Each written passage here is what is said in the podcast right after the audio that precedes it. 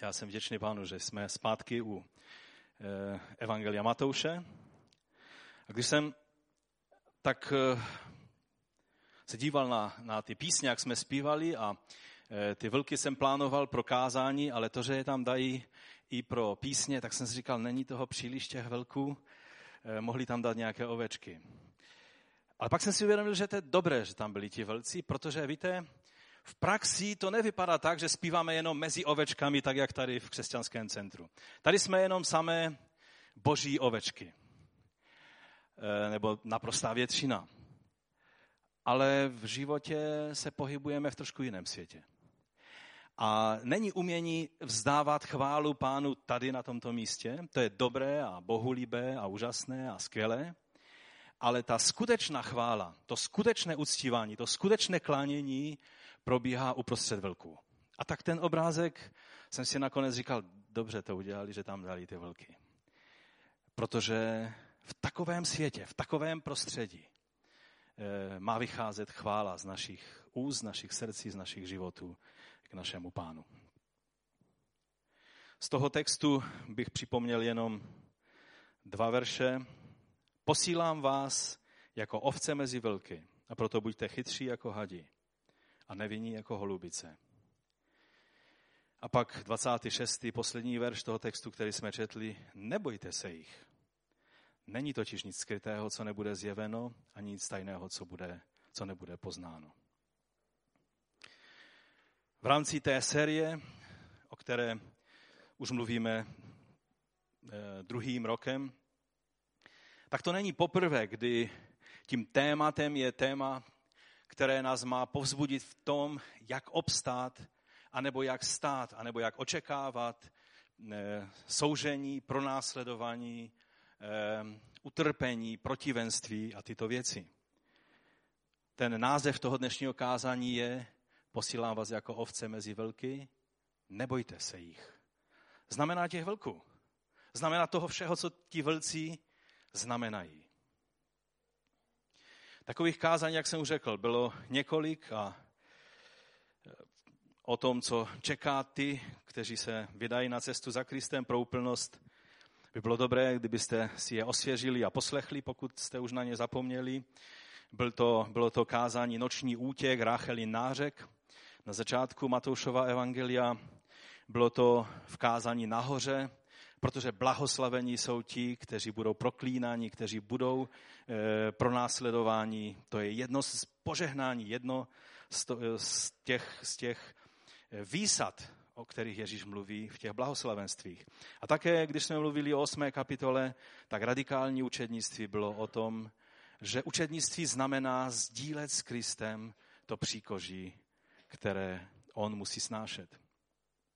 A tak možná vás napadlo, že nějak často mluvíme o těchto věcech.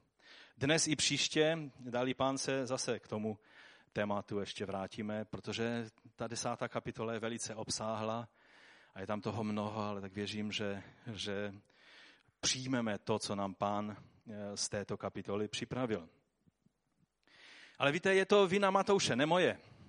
Já totiž výhoda toho, že procházíme tou knihou, je, že to, ta témata, kterých se dotýkáme, to není, že já si řeknu přes týden, tak ten zbor by potřeboval tohle slovo a tak, tak to nějak takovým způsobem na vás připravím. Ale jednoduše tak, jak Matouš přijímal od Ducha Božího, tak se nám toto poselství rozvíjí a já věřím, že k našemu dobru. Ve světle všech těchto častých Ježíšových zmínek eh, v Evangeliu Matouše, ale také v celém Novém zákoně, o protivenství, o soužení, také ve světle všeho toho, čím si prošli a procházejí Ježíšovi následovníci v celém světě, od té první generace až po dnešek, vůbec nechápu, jak někdo může věřit, že vytržení církve bude před takzvaným velkým soužením popsaném ve zjevení. Prostě tomu nerozumím. Jak někdo může tohle z Bible vyčíst? Nechci tady vyučovat o věcech posledních, ale dovolte, že vám řeknu, že velké soužení, které je ve zjevení, je pouze poslední kapitolou 20-dílného seriálu, který probíhal po dobu celých 20 století církevních dějin soužení na soužení. Ježíšova církev prožívala soužení po celých 20 století. Jak jsme to četli, není učedník nad mistra ani služebník nad svého pána? Jestliže hospodáře nazývali Belzebubem, čím spíše jeho domácí. To znamená, že pokud Ježíš na závěr své služby zde na zemi dostal od tohoto světa kříž a bičování, není učedník větší nad svého mistra. Ale v tom je právě to tajemství vítězství. To, co platilo vždy, bude platit i v té závěrečné kapitole lidských dějin. Posílám vás jako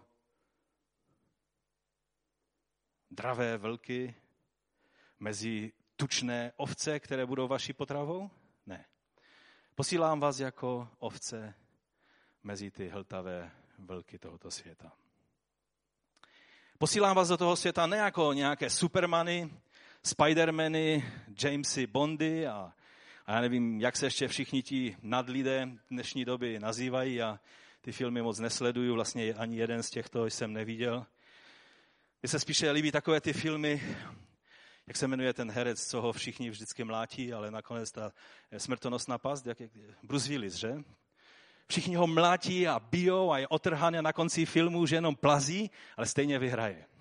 To mi připadá víc křesťanské, než, než takoví ti supermaní.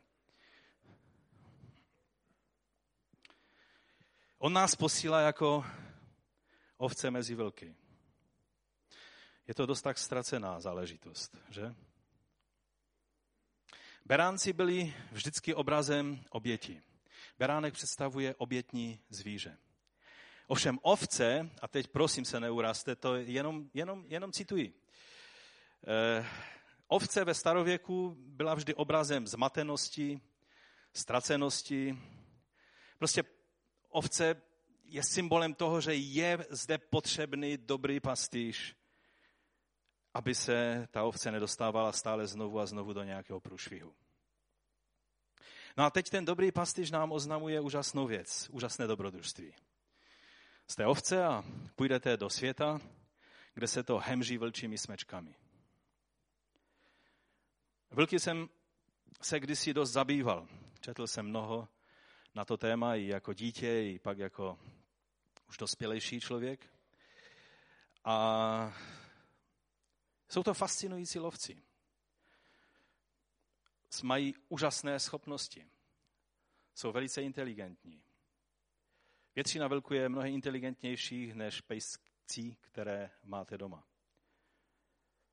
Ale účinnost jejich lovu je ještě mnohonásobně zvyšena právě tím, že loví ve smečkách, že spolupracují. A tím se psovité šelmy liší třeba od lvů. U lvů to funguje tak, že lev leží a odpočívá a lvice pracuje na tom, aby nějaký oběd teda byl. Pak přijde lev, odřene lvící a mláďata, nažere se a co zbyde, tak zůstane lvící a mláďatům. Ale u vlku je to trošku jinak, co se týče toho lovu. Pak ten zbytek toho příběhu je úplně stejný. Mláďata a vlčice taky eh, čekají až na konec. Ale, ale ta spolupráce zvyšuje mnohonásobně nebezpečí toho, když padnete do smečky vlku. Protože tam je ta, ta skvělá spolupráce té smečky na tom, jak tu ovci odlákat od stáda a dostat A v tom je ta nebezpečnost toho, že nejsme jenom v tom světě, kde jsou vlci, ale kde jsou celé vlčí, velice dobře spolupracující smečky. Takže jakou má ovce šanci mezi vlky?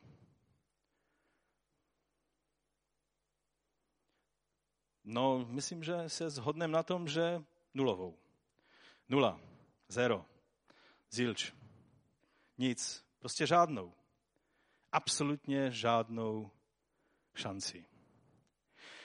Tak co to ten dobrý pastýř s námi dělá? Vždyť, vždyť od besídky nás učí, že on je dobrý pastýř. A ty obrázky, takové hezké, romantické, kdy je dobrý pastýř, který bdí nad ovečkami, ještě v těch takových víc romantických obrázcích, ještě ten dobrý pastýř má malou ovečku v náruči. Co to s námi dělá? Dobře, nepředbíhejme a začněme pěkně od začátku. Minule jsme mluvili o Ježíšově soucitu a jeho smilování se nad lidmi, že on je skutečně ten dobrý pastýř, který má soucit. A proto určitě v tom, že nás posílá jako ovce mezi vlky, to není nějaká past, která nás má pokořit a zničit. Ale právě v tom bude to tajemství našeho vítězství. Devátá kapitola končí výzvou k modlitbě za pracovníky na božím díle. Z božího soucitu, který v nás má rezonovat, když správně rezonuje, tak vychází modlitba za pracovníky. Víte, je to dost zanedbávaná věc. Boží služebníci jsou mnohem častěji kritizovaní, než aby za nimi šli přímluvy. E, nějaký ten pátek už jsem taky ve službě a nestěžuji si, ale, ale vím, o čem je řeč. Přitom z toho textu, který jsme četli, tak e, vyplývá jednoznačně, že na našich modlitbách záleží to, jaké máme služebníky.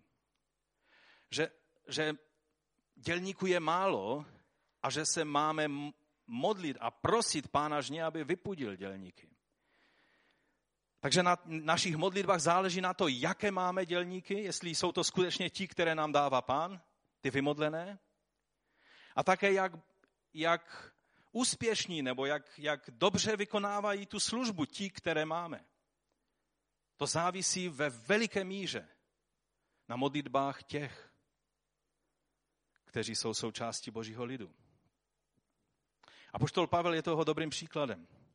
Víte, to byl nějaký apoštol. Církevní otcové dokonce někdy se ani nenámahali psát jeho jméno, ale řekli apoštol. Když chtěli říct apoštol Petr, tak napsali apoštol Petr. Když chtěli napsat eh, o jakémkoliv jiném, třeba Matouši, tak zase napsali apoštol Matouš. Ale když napsali apoštol říká, tak to znamenalo Pavel. To byl nějaký apoštol. A on vysloveně prosil mnohokrát ve svých listech o modlitby. Jestli to potřeboval on, oč více to potřebujeme my všichni, kteří nějakým způsobem jsme do toho díla zapojeni.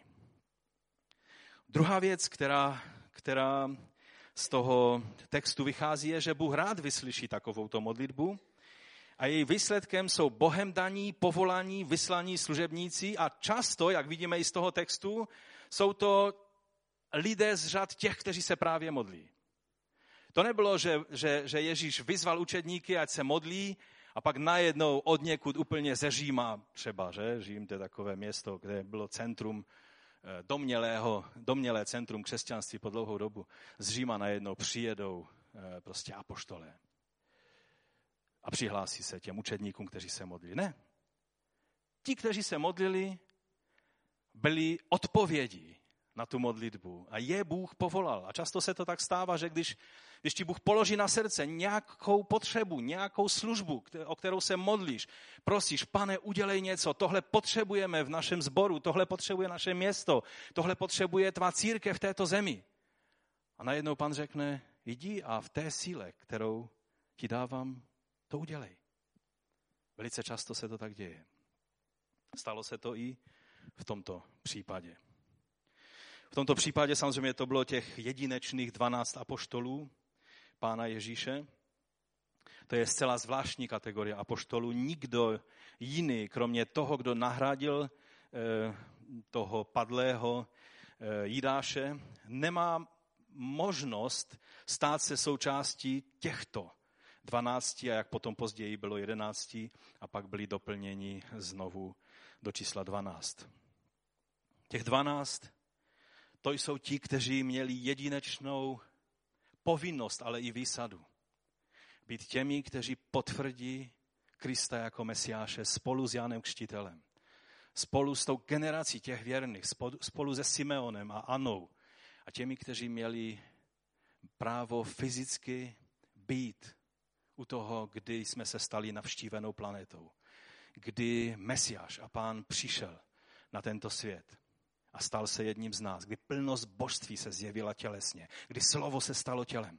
A oni dosvědčili, oni jsou těmi apoštoly, na jejich základě my stojíme. Protože oni nám předali apoštolské učení, oni nám předali to, co přijali od Ježíše. A potvrzeno Duchem Svatým napsali do, do apoštolských spisů. A toto je tím měřítkem a tím, co, čím poměřujeme naši víru a naše skutky. Stalo se to součástí inspirovaného písma svatého hebrejských písem a apoštolských písem. To je těch dvanáct. A pak tady je Pavel, který o sobě říká, že je takové apoštolské nedochudče. On si, to tak, on si to tak říká o sobě. 1. Korinským 15.8. A naposledy ze všech se ukázal i mně nedochudčetí. On byl takový, takový přechod, takový přechodný apoštol mezi těmi dvanácti a mezi těmi služebníky, kteří přicházeli v dalších generacích po nich. A pak jsou apoštolé, kteří jsou jako boží dary služebnosti v církvi. A ti jsou od prvního století až po dnešní. A to slovo jednoduše znamená vyslán s konkrétním úkolem nebo poselstvím. To pochází z řeckého slova a latinské slovo nám je dobře známé pod pojmem, který máme i v češtině, a to je slovo misionář. Člověk vyslán z misí, člověk vyslán s určitým poselstvím a úkolem. No a pak nám Matouš popisuje mistrův plán pro ty vyslané služebníky. Vyslání tehdy těch 12 bylo zcela jedinečné, jak jsem už naznačil, pro tu danou situaci. Bylo jim řečeno, aby nešli na cesty pohanů, aby do měst samařských nevstupovali, ale měli jít do všech ztracených ovec národu izraelského. A vlastně jejich úkolem tehdy, tím, tím konkrétním, byla Galilea, městečka a vesnice Galilei. Jasné, že zde Ježíš nastoluje principy, které nejen, že byly pro tu danou situaci, tehdy pro těch 12 učedníků a pro galilejská městečka a vesničky, ale že ty principy platí i v mnohem větším měřítku všude, kde od té doby se evangelium království eh, bylo hlásano a bude hlásano od letnic až do dnešní doby. Je to známý rabínský princip, který jsem už tady mnohokrát e, zmiňoval, e, kol vechomer, to znamená, že platí vždycky zásada, že jestli Bůh něco dělá v ma- malém měřítku, oč více to bude dělat i v měřítku velkém. Jestli Bůh dal moc těm apoštolům pro ta městečka a vesnice Galilei, oč více dá své zmocnění a svého ducha a své pověření a své poslání těm, kteří půjdou do těch obrovských metropolí 21. věku, třeba jako je 20 milionová Káhira, kde jsem měl možnost před pár týdny být. Nebo jako jsou jeho americká města São Paulo a Rio de Janeiro a, a New York a Londýn a e, Šanghaj a Hongkong a všechna ta obrovská města Kuala Lumpur a všechna ta obrovská města, která jsou. Některá jsou zmítána obrovskými problémy. Třeba Káhira to vypadá jako jedno obrovské smetiště. A je, žije tam spousta lidí a jsou tam problémy. Teď, když nastoupili islamisté, tak ta politická situace je velice zoufalá. Také ekonomická situace jde dolů. Už jsem o tom, eh, před, eh, před, eh, už jsem o tom tady mluvil, ale, ale chci říct, že ten princip je úplně stejný, jako byl u těch apoštolů, když šli do těch vesniček a městeček Galilei. Víte, ono sice Galilea nebyla zas až takové poklidné místečko e, usínající, jak se nám zdá dnes. Každý z vás, doufám, když jste přijeli do Galilei a, a máte tu představu, jak Galilea e, prostě byla plná života a, těch všech akcí, které čteme v Novém zákoně, tak přijedete do Galilei a tam já vždycky mám pocit, že všechno spí. Jenom ti turisté tak chodí a jsou znaveni sluncem a chodí od jednoho poutního místečka k druhému a zaspívají pár písniček a pomodlí se a jdou dál. Ale moc se tam toho neděje.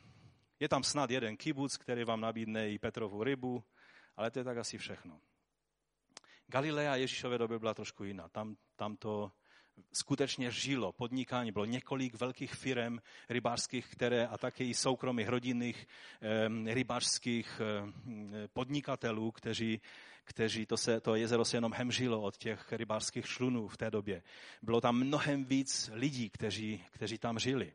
Těmi věky těch všelijakých vln e, vraždění, tak samozřejmě obyvatelstvo nejenom celého toho kraje, ale i Galileje bylo zdecimováno. Ale přesto samozřejmě ta městečka, třeba Nazaret bylo malinkaté město, Kafarnaum také eh, to nebylo nijak velké město a tak dále a tak dále. A dnes si řekneme, no dobré, ty principy jsou opravdu stejné pro ty obrovská města, pro ty výzvy, pro tu situaci, která, kterou máme dnes. Víte, princip Kolvechomer říká, jestli v malém Bůh něco činí, oč více to bude činit i ve velkém. Pamatuju si, jak mě Bůh učil finanční závislosti na něm. Když jsem se musel modlit za částky, jako bylo třeba 6 korun na týdenní jízdenku do Karvine do práce. A neměl jsem, bylo pondělí ráno a neměl jsem peníze a byly 4 hodiny ráno a odkud seženete peníze ve 4 hodiny ráno, že? A, a tak jsem se modlila a Bůh opatřil ne 6 korun, ale 20 korun a to bylo na jízdenku a také ještě na chléb a máslo pro děti. A to bylo to byly principy, které, kterými, a takových situací bylo mnoho, které mi pak Bůh připomínal, když jsme stáli ve svízelné situaci a potřebovali jsme miliony tady pro tuhle budovu. A jiní lidé říkali, vy musíte mít velkou víru, když se pouštíte do takové věci. A já jsem říkal, no jednoduše, boží principy, spolehnutí se na něho fungují. Když to funguje u 6 korun, bude to fungovat i pro miliony, protože pro Boha 6 korun je pod jeho rozlišovací schopnost rozlišit 6 korun od 6 milionů. Myslím si, že Bůh fakt jako to neřeší, že to je dost podobná částka pro něho. Z té jeho perspektivy, že?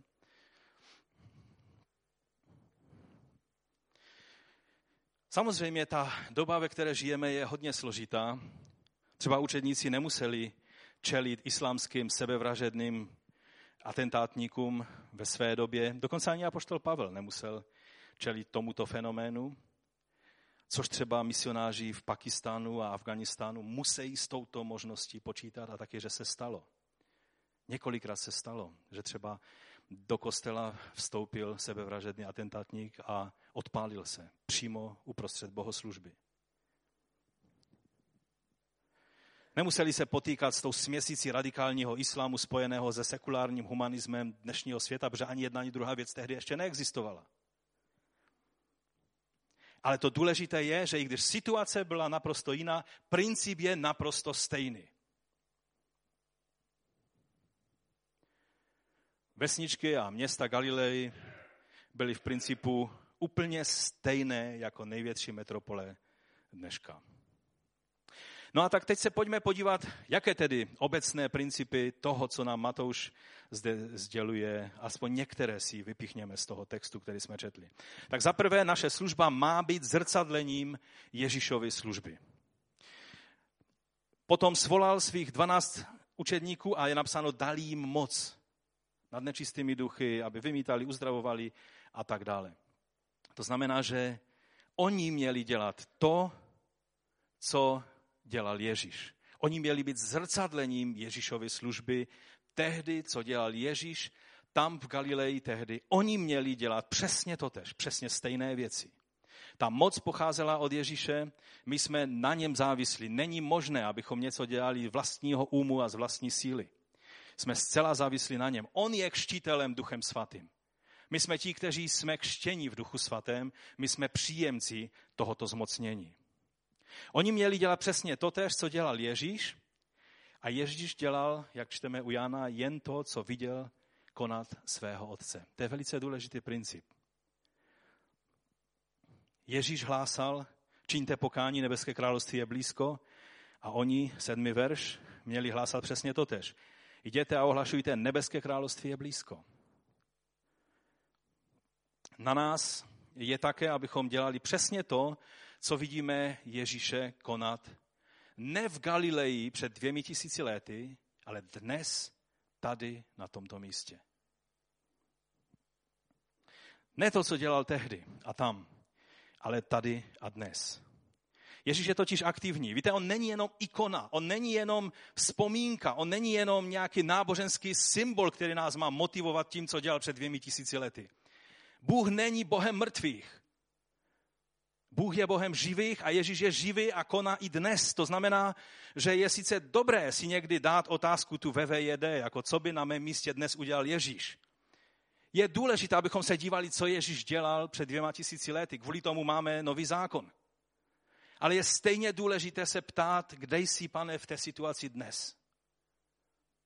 Kudy má vede tvá cesta skrze tuhle situaci? Skrze tuhle smečku těch vlků, kteří jsou přede mnou.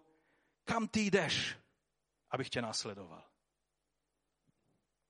To je velmi důležité, protože tím se lišíme od nominálních křesťanů, kteří, kteří tohle očekávání ani je nenapadne, aby očekávali konkrétní vedení Ducha Božího do, do konkrétního dne, do konkrétní situace. K tomu se ještě trošku vrátíme. Nemáme, to je další princip, kupčit s Božím slovem.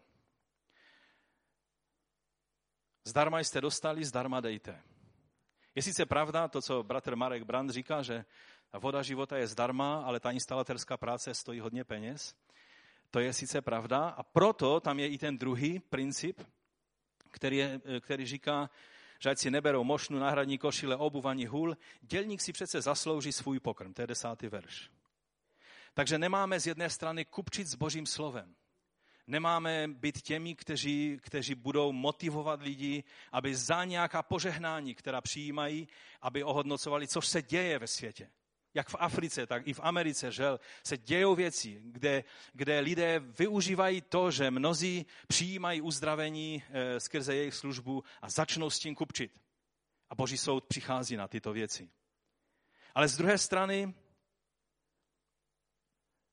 ti, kterým je slouženo, se mají postarat o ty, kteří slouží. Pavel ke Galackým říká, kdo je vyučován slovu, ať se dělí o vše dobré se svým učitelem. Ale to zrovna není eh, princip, který by tady v tomto sboru bylo třeba vyučovat. Tento sbor byl vždy v této věci velice, velice uvědomili a biblicky. Třetí princip, ne všichni, doufám, že vás to nepřekvapí, ne všichni vždy budou natření tím, že jim oznamujeme dobrou zprávu o Ježíši a Božím království. A tady se zpátky trošku dostáváme zase k těm ovcím a vlkům. Ne všichni budou volat haleluja, konečně jste přišli s evangeliem k nám. Někdy budou i tady kameny, někdy tvrdá slova, někdy budeme odmítnutí, vysmátí a ty všechny věci, které s tím souvisí. Ale víte, je až zarážející, jakou výsadu nám pán Ježíš ponechal. On říká, že když jsme někým přijatí, když se najde muž hodný evangelia, nebo žena, že? pak máme přenechat náš pokoj v tom domě. To je zvláštní slovo. Když bychom měli čas se k tomu více věnovat, můžete nad tím meditovat a přemýšlet. Když nejsme přijatí, tak tam je řečeno, že ten pokoj se vrátí k vám. To znamená, že máme nějaký pokoj boží, který můžeme přenechat, když jsme přijatí, kdy své požehnání můžeme nechat. Víte, někdy říkáme, pan ti žehnej. A říkáme to jenom jako pozdrav. Ale pán ti žehnej má být, že skutečně uvolňujeme boží pokoj a požehnání na ty, které zdravíme tímto pozdravem. No také někde se stává, že nás odmítnou, že? Ovšem na nás je, abychom věrně předali zprávu o Kristu. A další už je mezi Bohem a těmi lidmi, co s tím udělají, zda to přijmou. My jejich rozhodnutí máme respektovat a teď možná řeknete, mluvíš úplně proti trendům, které jsou v dnešním světě. Že máme hledat způsoby, jak jim to víc zajímavě podat. Ano, odmítli to, protože možná já jsem nějaký natvrdlý v tom, jak jim to podává. Možná, jim, možná přijdeme znovu a převlečení třeba za, za, nějaké, za nějaké, já nevím, za co, nechci se teď pouštět do nějakých věcí, abyste to nebrali jako kritiku těchto věcí, tak ale mi nic jiného nenapadá. No. E, prostě udělat nějakou fintu, kterou se do přízně těch lidí vloudíme a oni si myslí už, že teď, teď už konečně vyhnali ty s tím evangeliem a najednou my to rozbalíme a zase s tím evangeliem na ně vyrukujeme. Ehm, mě to z toho textu tady nezní tímto způsobem. Máme být věrní v předávání zprávy o Božím království. ale to rozhodnutí má být zcela svobodně na těch lidech a na milosti Boží. Je to mezi Bohem a tím člověkem, jak se rozhodne a my to máme respektovat a nesnažit se, především nesnažit se zvrátit je silou. Řeknete, přece žádný oheň a meč se už dneska v evangelizaci nepoužívá. Otázka je, jestli všechny ty finty, které na lidi používáme, není jenom moderní obdoba ohně a meče. Protože když si bylo přesvědčování takové, i reklama byla taková. Nebereš, tak, ti, tak budeš o hlavu kratší. Reklama byla taková, dneska tě bude reklama manipulovat, masírovat, eh, bude z tebe dělat toho jedinečného, který zrovna jako jediný si dostal tu šanci si něco pořídit, no a ty naletíš a pak už není úniku. Tak mě to teď napadlo, to jsem neměl připravené. Jestli, jestli ty všechny finty nejsou jenom jinou obdobou ohně a meče. Máme se třást prach a ne jim vrhat prach do tváře. D.A. Carson vysvětluje, že tímto gestem učedníci eh, měli těm židovským městům a vesnicím dát najevo, že se řadí k pohanským městům tímto krokem. Odmítnutím Mesiáše. Odmítnutím dne navštívení Mesiáše. Tehdy byla běžná praxe, že když židé odcházeli z pohanského území, tak na, na hranici se zastavili, sundali sandály, oklepali je z prachu pořádně, celý svůj kabát, eh, vyprášili, aby ani prach na nich nezůstal z toho pohanského špinavého nečistého světa. A tady je to obraz toho, že ty města se přiřazují k těm pohanským. Mělo to být velice jasné, jasný signál, co tímto odmítnutím Mesiáše dělají. Že když odmítají je, jeho, jeho poslance, tak odmítají jeho, ne, ne pouze je. Ovšem tento princip toho, že to máme nechat na nich, že máme pouze setřást prach nebo dát najevo eh, to, eh, ty, ty konsekvence nebo ty důsledky toho, toho kroku, ale nemáme sílu používat k tomu, abychom, anebo nějaké jiné úskočnosti, abychom člověka Eh, přes, přinutili k rozhodnutí. Tento princip byl žel mnohokrát v dějinách nedodržen. A to přineslo hodně krve, prolití a bolesti. Ono to ohněm a mečem někde začalo. Určitě to nezačínalo mečem. Začínalo to jinými metodami přesvědčování a donucování.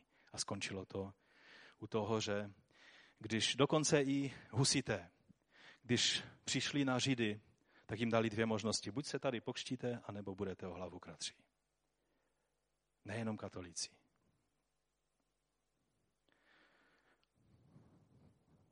Poslední princip, který z toho zmíním, je, že následky odmítnutí Krista jsou velmi závažné. Jak z toho textu vyplývá, už samotné srovnání se Sodomou a Gomorou z toho dost zamrazí, že? Jedná se zde o skutečně věčné odsouzení a ne o nějakou symbolickou řeč. Ovšem závěrem toho bodu je dobré si uvědomit nebo všimnout, že soud přijde na ty města a ty lidi, kteří aktivně odmítli svědectví o Kristu.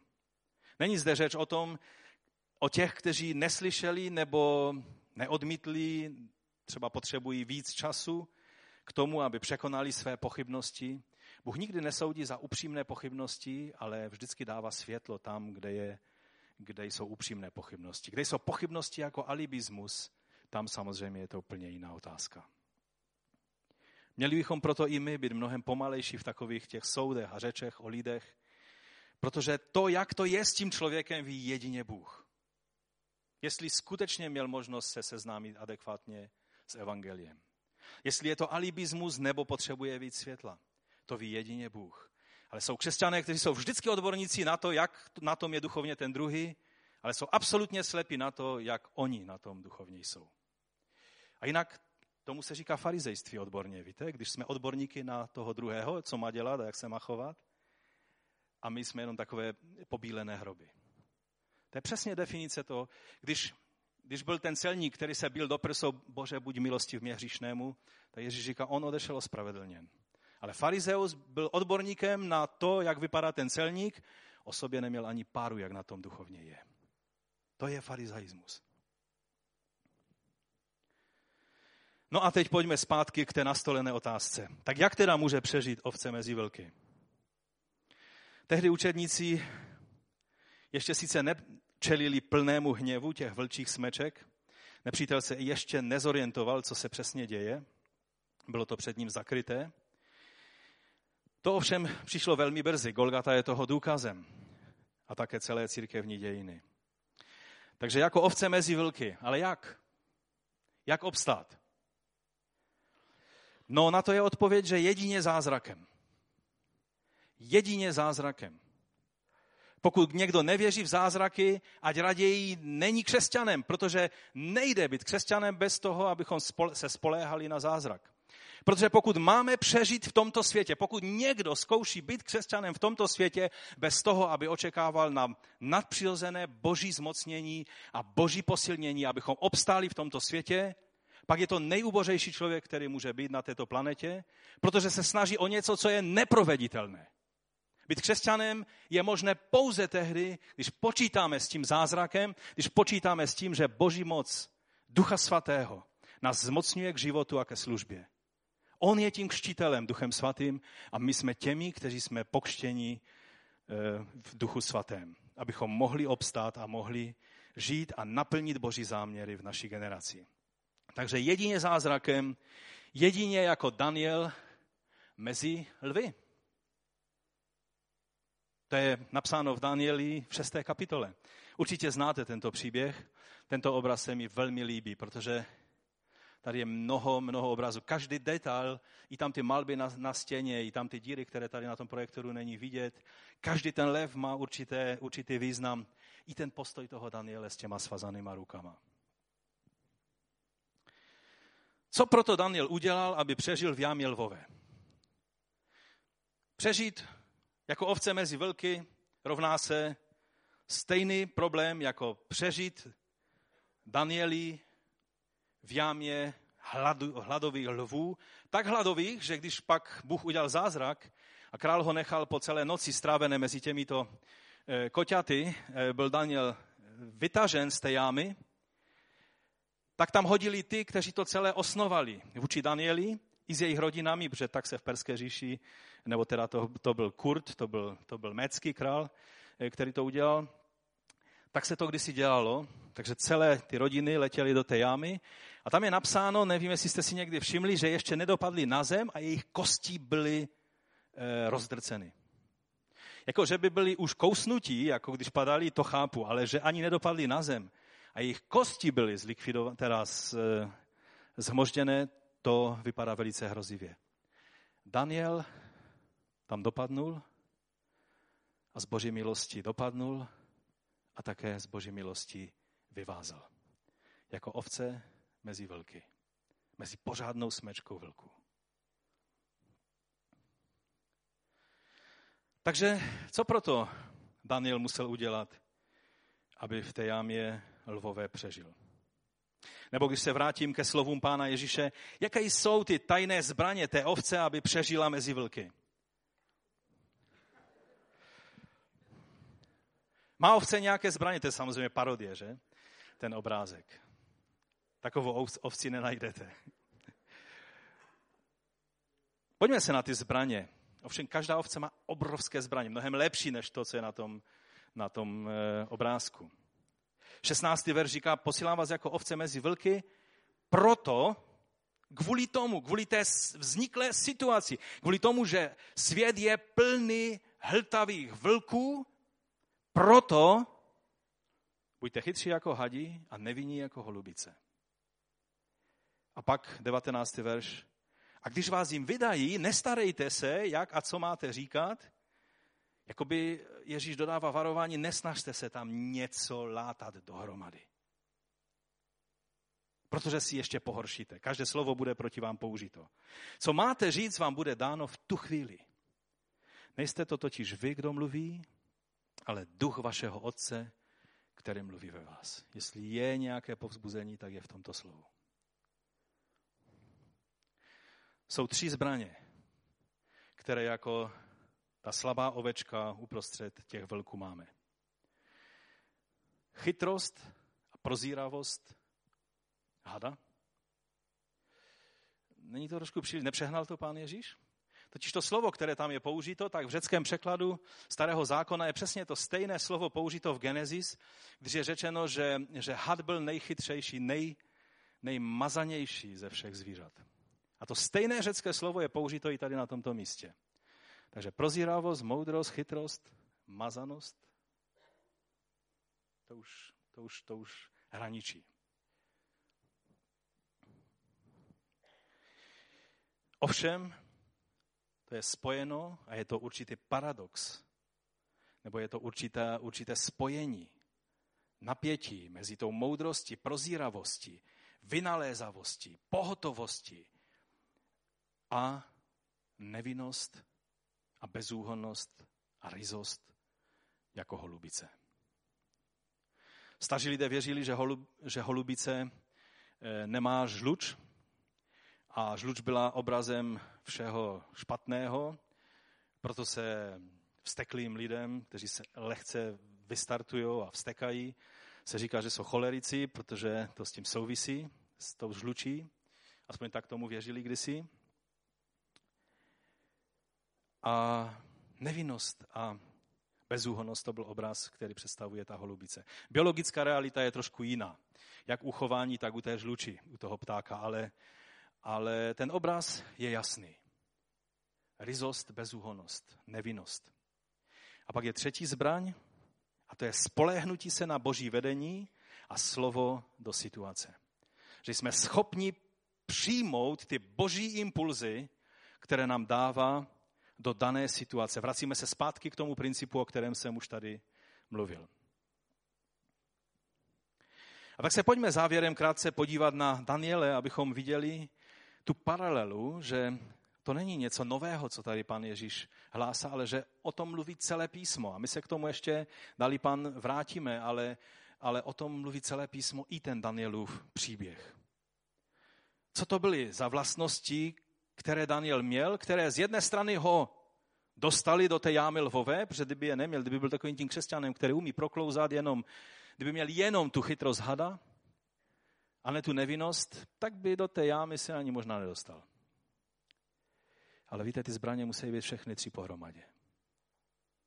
To jsou ty tři vlastnosti, které musí mít každá ovce, aby přežila té smrčce vlků. Protože ty stejné vlastnosti, které ho do jámy dostali, ty stejné ho v té jámě zachovali, že vyvázel živý. Za prvé, Danielova chytrost, moudrost, prozíravost. V té šesté kapitole ve čtvrtém verši je napsáno takto. Daniel pak mezi vezíry a satrapy, protože ten eh, Dareius nebo Darjaveš eh, rozdělil celou říši, která, kterou, kterou tak nějak prostě dostal do vínku, tak ji rozdělil na na takové oblasti a všude ustanovil satrapu, který byl takovým tím eh, místodržitelem, vládcem, eh, který vykonával vládu jeho jménem. A nad těmi satrapy ještě ustanovil vezíry. A tady je napsáno, že Daniel pak mezi vezíry a satrapy natolik vynikal svým vzácným duchem. Vzácný duch, co to je vzácný duch? Vynikal natolik svým vzácným duchem, že mu král zamýšlel svěřit celé království. On chtěl, aby Daniel byl ten, který tak jako Josef v Egyptě bude mít prostě na starost úplně všechno. A v tom se ukazuje, že on měl tu moudrost od Boha. A vidíme to hned od první kapitoly, jak oni odmítli ty pokrmy královské a spolu se svými kamarády a jak, jak, jak, jak jim to vyšlo na dobré jak naopak, aby si uškodili, tak, tak jim to ještě pomohlo v tom, že byli ještě schopnější než všichni ostatní. Tady je ukázaný ten, ten vzácný duch. Dalo by se to přeložit jako výjimečný duch nebo vynikající duch. To jsou zvláštní popisy člověka, prostě křesťana, prostě božího člověka. Někteří vám řeknou, jenom nezaměstnávají křesťany, protože to jsou ti největší podvodníci a ti, ti nespolehliví pracovníci, ti, kteří nechodí na čas a tak dále a tak dále. Kde to jsme? Křesťané to jsou takový Danielové. V něm byl výtečný duch. Vynikající, excelentní. Boží duch ho vedl k tomu, že byl ve všem naprosto spolehlivý. To nás vede k té druhé věci Danielova nevinnost, ryzost, bezúhonost. To je ten další verš. Vezíři a satrapové se proto snažili najít na Danielové vládní službě nějakou chybu. Víte, závist není vlastnost jenom českého národa, ale jak je vidět, tak i v té říši babylonsko-persko-kurdské to fungovalo taky velice, velice dobře. Prostě nemohli snést, že Daniel je lepší než oni.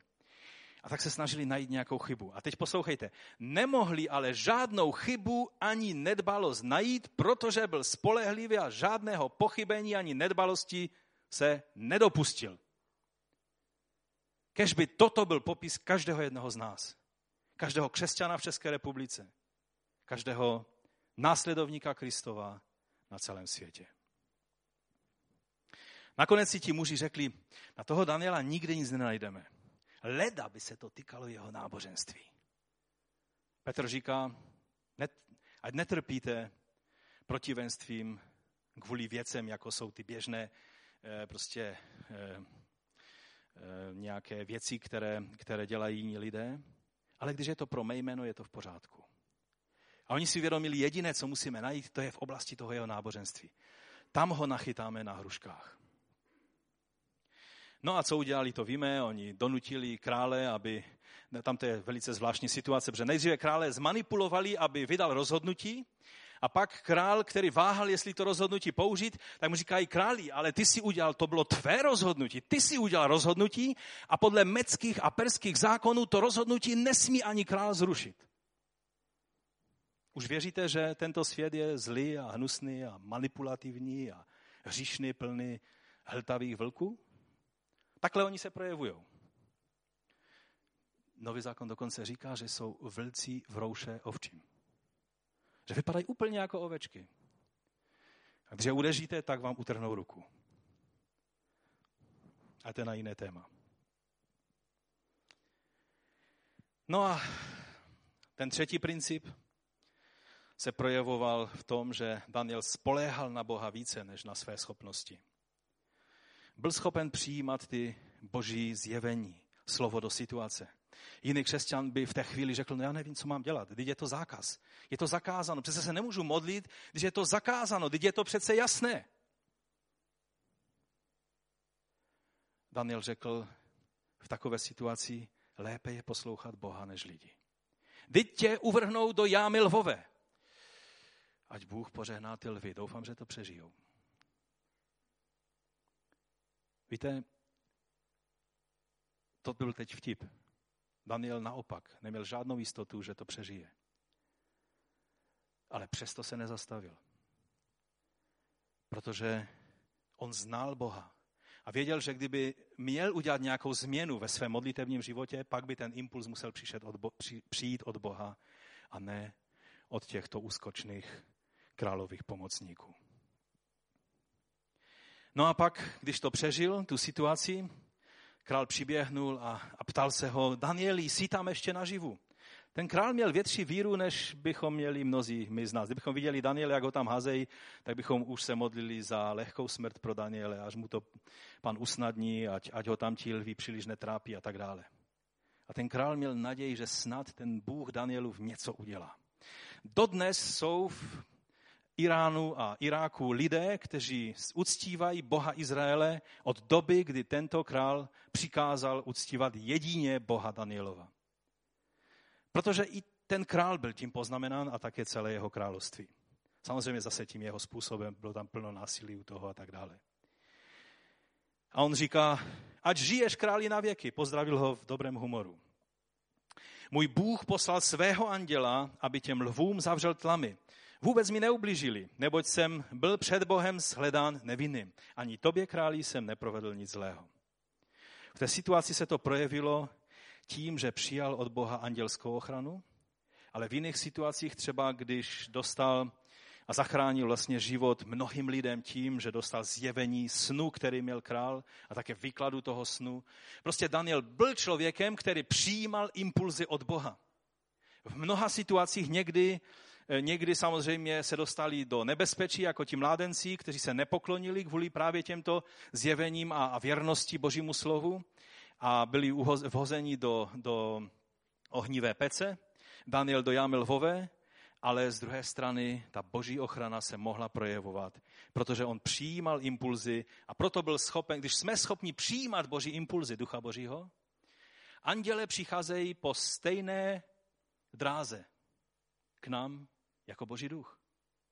Pokud zarmucujeme Ducha Božího, pokud nejsme otevřeni na impulzy Ducha Svatého, pak jsme zavření i na andělskou ochranu, i na andělské návštěvy. To je k zamyšlení. Můj Bůh poslal svého anděla, aby těm lvům zavřel tlamy, je tady napsáno. Daniel, ano, byl výjimečný člověk, ale vlastnosti, které měl, měli ostatní židovští mládenci, kteří byli tehdy v Babyloně, protože to tajemství je v božím duchu, který byl na Danielovi na těch ostatních. A teď, když k tomu vememe rozdíl mezi starým a novým zákonem, tak to, co prožívali výjimeční lidé starého zákona, byli jenom jednotlivci, kteří byli pomazáni duchem svatým, ale ten rozdíl, to tajemství nové smlouvy bylo v čem? Joel, když prorokoval, tak řekl, a vylej svého ducha ne na jednotlivce, výjimečné Daniely a Gedeony a Davidy, ale co udělám? Vylej ho na všeliké tělo. Vaši synové, vaše dcery, vaši starci. Ti budou prožívat plnost Ducha Svatého a ty boží svaté impulzy. Ti budou schopni obstát v situacích, jako byl Daniel. A poslední věc, kterou je třeba zdůraznit, ono to nevždy znamená, že nás Bůh chrání, že Bůh zavře tlamy těm lvům. Mnozí křesťané byli v podobné situaci, třeba na aréně Kolosea.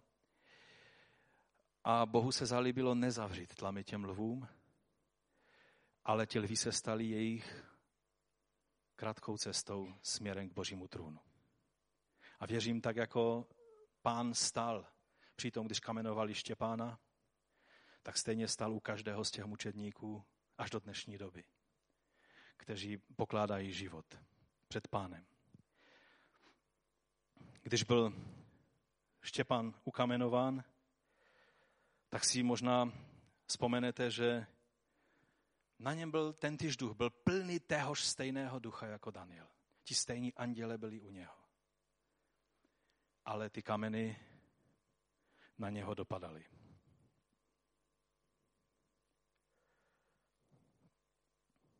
Víte, někdy si říkáme, když bychom měli záruku, že nás Bůh ochrání před plameny toho ohně, jak třeba ti mládenci, tak bychom se taky odvážně postavili.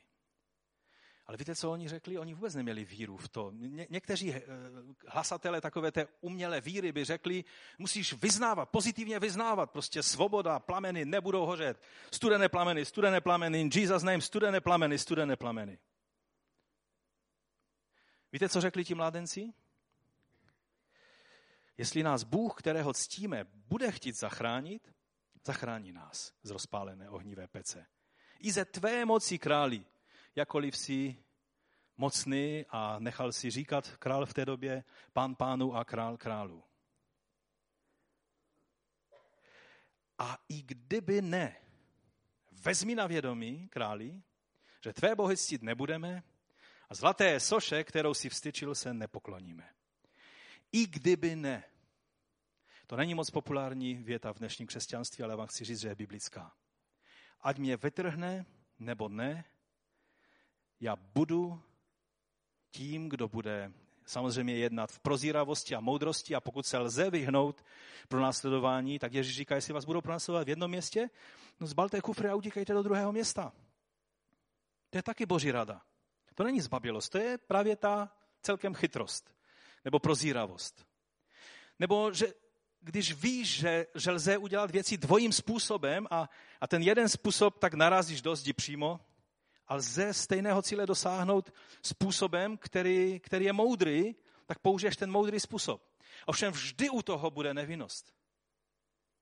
U člověka, který je, má bezúhonnost a nevinnost, tak věty jako, no taková je doba, je to výjimečná doba, která si žádá výjimečné prostředky, to se říká, že? Nebo účel světí prostředky, když cíl je dobrý, všechno je dobré, jak se tam dostaneme. Na hrubý pítel, hrubá záplata, že? No tak co jiného. Ne. Moudrost, prozíravost vždy spojená s bezúhonností a nevinností a ryzostí. Když bychom nechali vždycky jenom tu, tu vlastnost té prozíravosti samotnou, vždycky by nás dostala do průšvihu. Vždycky to má být spojeno s pokornou nevinností. Víte, na tom obraze se mně velice líbí, jak Daniel stojí pokorně. On se tam nefotí s napjatými svaly před těmi lvy, podívejte, ti lví jsou za mnou a nic mi neudělají. On tam nehraje žádného hrdinu. On ani nemá možnost, tak na jiných obrazech slavných malířů, protože to je velice oblíbený motiv, který, který malíři využívají, tak eh, na některých obrazech tak tam stojí s rukama zvednutýma a dívá se do nebe. Tady se mi velice líbí, jak pokorně on stojí, ruce má svazané za zády, čili ani je zvednout nemůže. A tak se na ty lvy dívá a mně to připadá jako, že se na ně dívá, tak co, sežerete mě nebo ne? A když ne, tak díky, to je dobré, že ne. Chvala pánu. Víte, na tom obraze je vidět, že to nebyl nějaký blázen, který zavřel oči a říkal haleluja, ať přijdou všechny prostě ty, ty protivenství, já jsem silný v pánu, já to všechno zvládnu. Ale byl to pokorný člověk, který věděl, ano, prostě ti lví jsou schopni ty mé kosti rozdrtit tak, že se mně nezůstane nic víc, než tahle, tahle kost v levém rohu, jestli ji vidíte. Být realistou znamená, e, to patří k té moudrosti. To je ta první vlastnost. Bezúhonnost a pak spoléhnutí na Boha, to jsou ty další dvě. A já vám chci říct, že ať nám ten obraz zůstane v očích.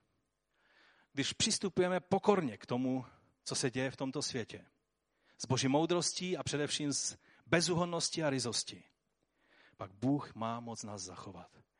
Ať nás vytrhne nebo ne. Nebo dá volný průběh tomu ohni, kež bychom nikdy nebyli nevěrní tomu, co nám Bůh svěřil. A tehdy budeme jak Daniel a tehdy budeme vítězit jako ovce mezi vlky, což znamená zázrakem. Pan vám žehnej.